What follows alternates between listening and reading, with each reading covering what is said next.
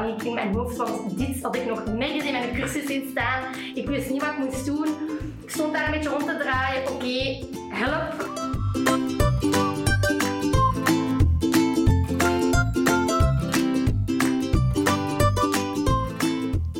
Welkom bij Urban Education, de podcast van het Onderwijscentrum Brussel, waar we samen met leerkrachten en directies antwoorden zoeken op de uitdagingen van de grootstad. Ik ben Sarah Geets en vandaag gaan we het hebben over chaos, zelfzorg en het belang van een goed team. Of hoe overleef je als startende leerkracht dat eerste jaar voor de klas? En daarvoor hebben we twee gasten uitgenodigd, Ellen en Margot. Welkom. Ellen, voor jou was 1 september 2019 een heel spannende dag. Hè?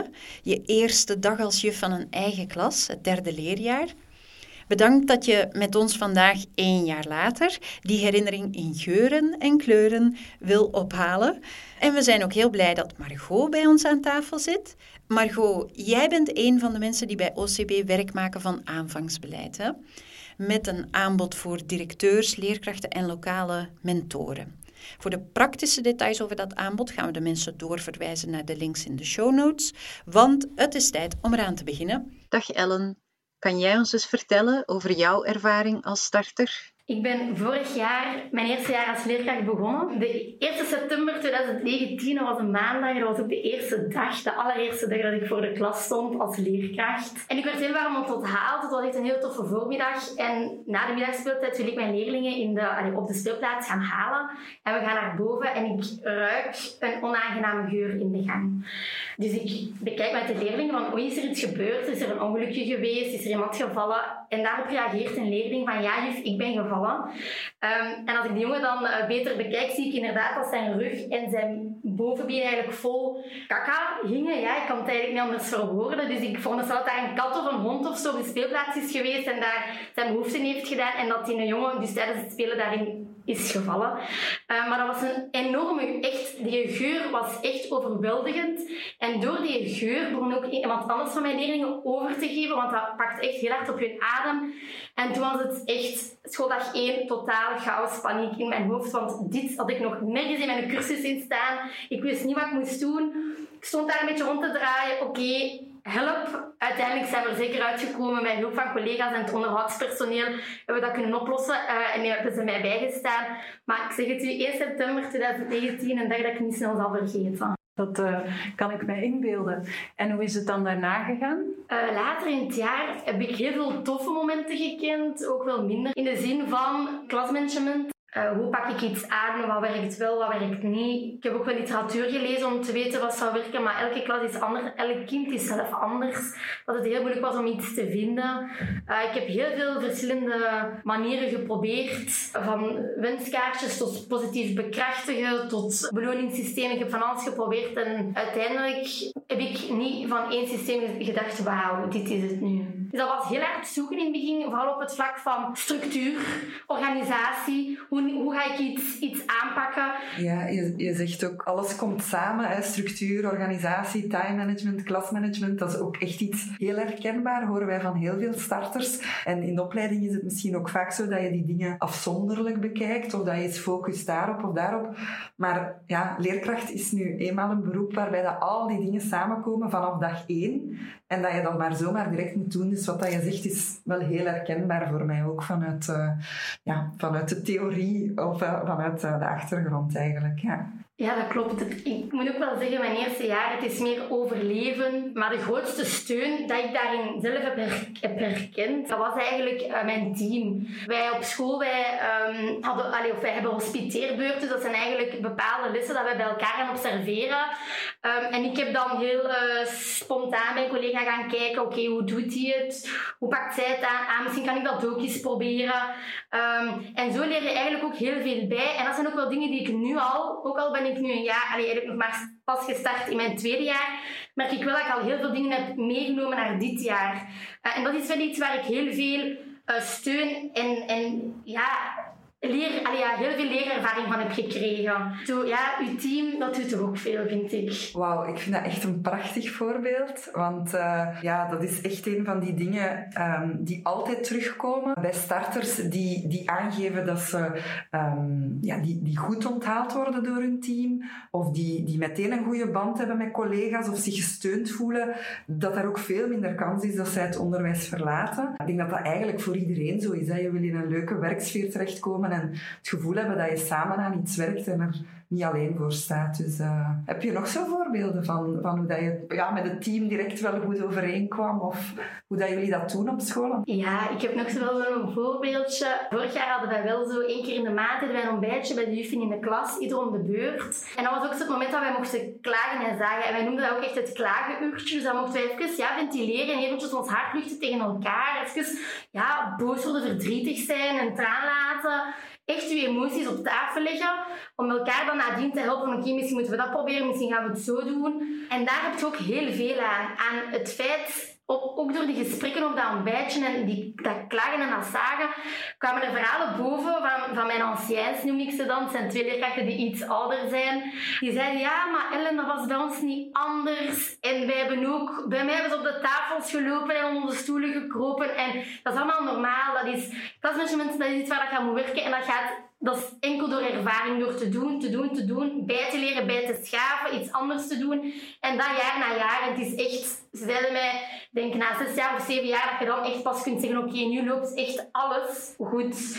En dan heb ik wel zin in mijn eigen, oké, het is normaal wat ik hier allemaal meemaak. En hoe gaat het dan eigenlijk nu? Want dit is dan jouw tweede jaar. Voel je een verschil met je eerste jaar? Ja, ik voel zeker een verschil je focus kunnen op andere dingen liggen. Zoals ik vorig jaar aan alles wou werken, heb ik nu voor mezelf een focus ge, uh, genomen. Bij die klas werk ik aan dat. Um, waardoor het veel rustiger in mijn hoofd is en ook in mijn, in, mijn, in mijn eigen welzijn. Dus ik merk toch wel eigenlijk al een groot verschil. Ja, zeker wel. Had je vorig jaar, toen je voor de klas stond, genoeg zelfvertrouwen? Alles is nieuw. En je komt eigenlijk een beetje binnen, of ik had dat toch in mijn hoofd als ik ben hier eigenlijk een stagiair, want ik weet niks. Maar dat is ontzettend moeilijk. Als er dan bijvoorbeeld mensen binnenkwamen van het ondersteuningsnetwerk, dan voelde ik mij terug direct een stagiair, want er zat iemand achter in mijn klas. In het begin bij die hospiteerbeurten ook, hup, die komt binnen. Als de directeur langskwam, dan had ik het ook, oei, die komt ook observeren. Ik had constant eigenlijk het gevoel dat, dat ik op mijn vingers werd gekeken, terwijl ik me dat uiteindelijk allemaal maar inbeelde waarschijnlijk. Maar voor mij was dat altijd een moment van, oké, ik ben een stagiair. Ik moet hier zien dat ik alles goed doe, dat ik hier niks fout doe, want ik ga daarop bestraft worden. Dat had ik wel heel erg, heel erg vorig jaar en dat heeft heel veel gezorgd voor ja, minder zelfvertrouwen, maar dat is wel gegroeid doorheen het jaar. Door het team en door al die ontbijtjes en die klagen, zagenuurtjes, ja, ben ik daar wel in gegroeid. Iets waar starters ook vaak mee worstelen, zeker het eerste jaar of die eerste maanden, is um, balans tussen werk en privé. Had je het gevoel van, ah, ik heb nog voldoende tijd voor mijn hobby's, of ik um, ben hier uitgerust na het weekend, of was dat voor jou toch ook een uitdaging om daar een balans in te zoeken? Dat evenwicht was ontzettend moeilijk. Vrije tijd aan school of privé en, en werk, dat was één lijn geworden. Ik kan niet zeggen dat dat twee parallele lijnen, dat werd gewoon één vloeiende lijn. Alles was in teken van mijn werk. Een paar voorbeeldjes. Ik speel voetbal. Ik ben vorig jaar niet geweest. Ik had of geen zin of geen tijd of ik had oude contact, er was altijd iets waardoor ik niet kon gaan. Um, ik had ook minder de energie, ik was ook echt gewoon doodop na die schooldagen. Dus daarin merkte ik zeker wel dat er, dat, dat, dat evenwicht niet juist zat. Dus op een bepaald moment merkte ik echt dat mijn werk de bovenhand nam. En dat dat voor, mijn, voor mezelf, voor, mijn, voor mezelf, mijn eigen welbevinden als leerkracht, was dat niet goed. En dan heb ik wel uh, bij mezelf aan de alarmbel getrokken en dan heb ik echt geprobeerd om ontspanningsmomenten te plannen in mijn agenda. Hoe raar dat dat ook klinkt. Heb echt gewoon gezegd, die zaterdag doe ik niks voor school. Dat is niet altijd gemakkelijk, dat is ook niet altijd even goed gelukt.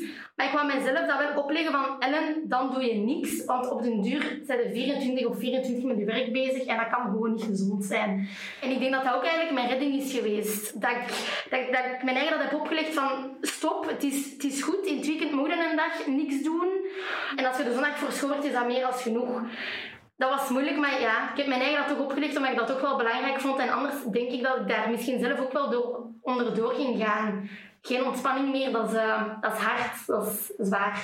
Ja, Ellen, wat jij zegt over bewust ontspanningsmomenten of vrije dagen inplannen in, in je agenda, is echt een topstrategie. Daar raden wij ook zelf echt aan. En gewoon brood nodig om het eerste jaar of de eerste jaren te overleven. Dus zeker een goede tip voor als er andere starters luisteren. Een, een volledige dag in het weekend gewoon blokkeren en vrijhouden.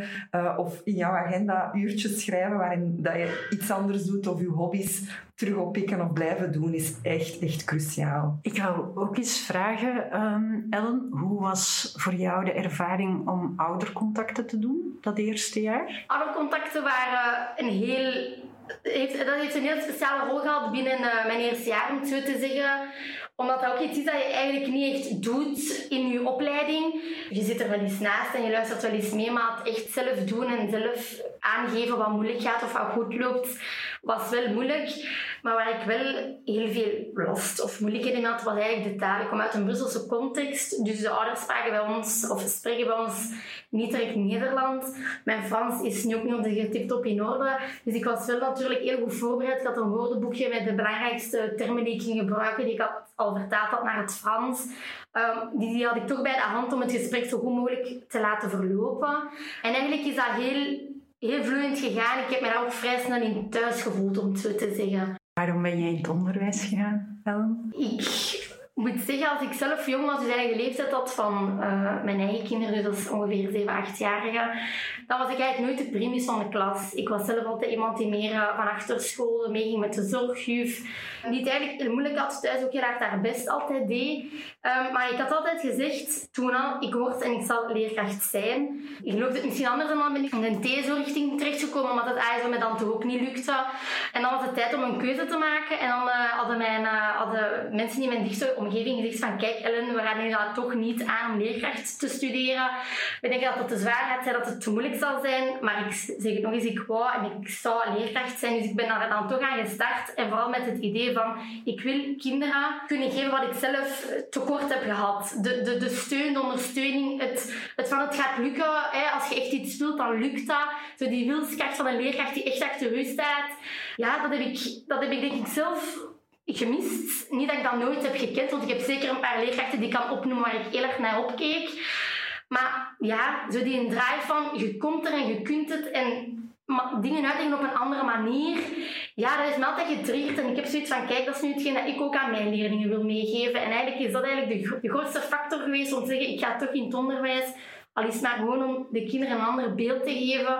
Dat je niet altijd de primus van de klas hoeft te zijn om ergens te geraken. Maar als je gewoon iets wilt en kaart verwerkt, dat dat ook gewoon lukt. Dat is echt ontroerend. Ik vind dat heel, heel mooi om te horen.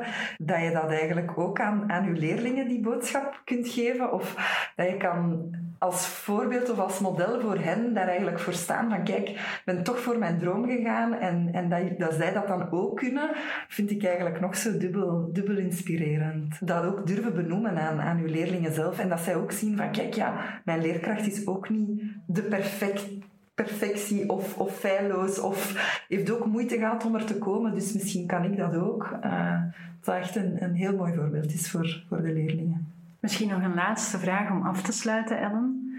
Um, wat is voor jou de volgende uitdaging? Ik denk dat ik dit schooljaar uh, heel erg zou willen of extra wil vastbijten in differentiatie. Hoe kan ik nog meer al mijn niveaus bijsturen om uh, te kijken naar volgend jaar hoe dat ik het weer anders of beter kan doen. Margot, uh, scholen of leerkrachten die uh, hulp willen bij hun aanvangsbeleid, Waar kunnen zij terecht? Bij OCB natuurlijk.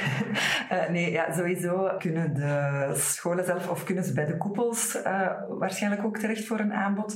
OCB heeft het aanbod rond aanvangsbegeleiding vind je terug op de website. daar staat de meeste info. Of als je een ondersteuner hebt op school zelf, hem of haar daar eens over aanspreken, kan zeker ook. Um, wat ook mogelijkheid is, is om um, pas voor de klaspakketten te bestellen via onze website.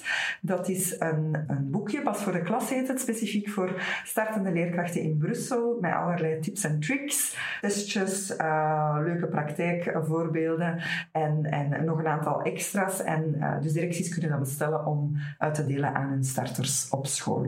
Bedankt voor jouw verhaal, Ellen. Margot, Voor jou als uh, expert aanvangsbegeleiding, wat heeft jou het meest getroffen in het verhaal van Ellen? Of wat uh, wil je zeker als advies aan andere starters of aan scholen meegeven? Ja, ik vond, ik vond het heel fijn om uh, Ellen haar verhaal te horen. Heel veel herkenbare dingen ook rond het klasmanagement. Dat is zeker met stip op één het grootste uh, probleem van starters of, of de eerste moeilijkheid waar ze tegenaan botsen. Maar wat dat mij toch het meest ontroerd heeft in haar verhaal, of wat dat ik het fijnste vind om mee te nemen en ook als boodschap te geven geven aan, aan, aan wie er dan ook luistert vandaag, is, is dat warme team waar dat in terechtgekomen is. En um, dan merken wij ook gewoon echt in, in alle verhalen, in alle literatuur, steun bij collega's, uh, kunnen ventileren, maar ook elkaar professioneel ondersteunen door hospiteerbeurten, een directie die er, die er voor u staat. Dat zijn echt ja, de dingen die, die maken dat een starter blijft of vertrekt. Uh, dus dat is eigenlijk ook een beetje mijn warme oproep om, om uh, die, die starter of, of, of die stagiair of die, die nieuwe collega gewoon al eens te vragen in de pauze. Ça va wel, uh, kan echt een wereld van verschil zijn. En dat vond ik echt heel mooi in haar verhaal. En dat wens ik eigenlijk iedere starter toe, zo'n warm team. Dat eerste jaar, dat lijkt me eigenlijk echt heel pittig. Hoe heb je dat volgehouden, Ellen? Wat helpt u dat eerste jaar door? Sowieso de steun van familie, vrienden, uw team, nogmaals, het warm onthaald zijn. Ja, de steun van de dichte omgeving helpt u zeker vooruit. Daarnaast ook iets heel banaals waar ik niet aan denk. In mijn opleiding hadden we bij onze laatste stage voor elkaar briefjes geschreven met complimentjes op. En als ik er echt eens even onderdoor zat, dan kon ik mij terugtrekken in mijn klas. En ik had die briefjes verstopt in mijn schuif. En dan, uh, dan, dan, ja, dan nam ik die briefjes en begon die te lezen. En dan voelde ik mezelf helemaal zo terug openblinden. Van oké, maar ik ben wel creatief. Ik ben nog niet daar, maar ik ben toch wel al dat. En zo, ja, terug het, het warme gevoel van het is allemaal oké. En probeer er gewoon door te wormen. En zeg gewoon tegen jezelf goed is goed genoeg.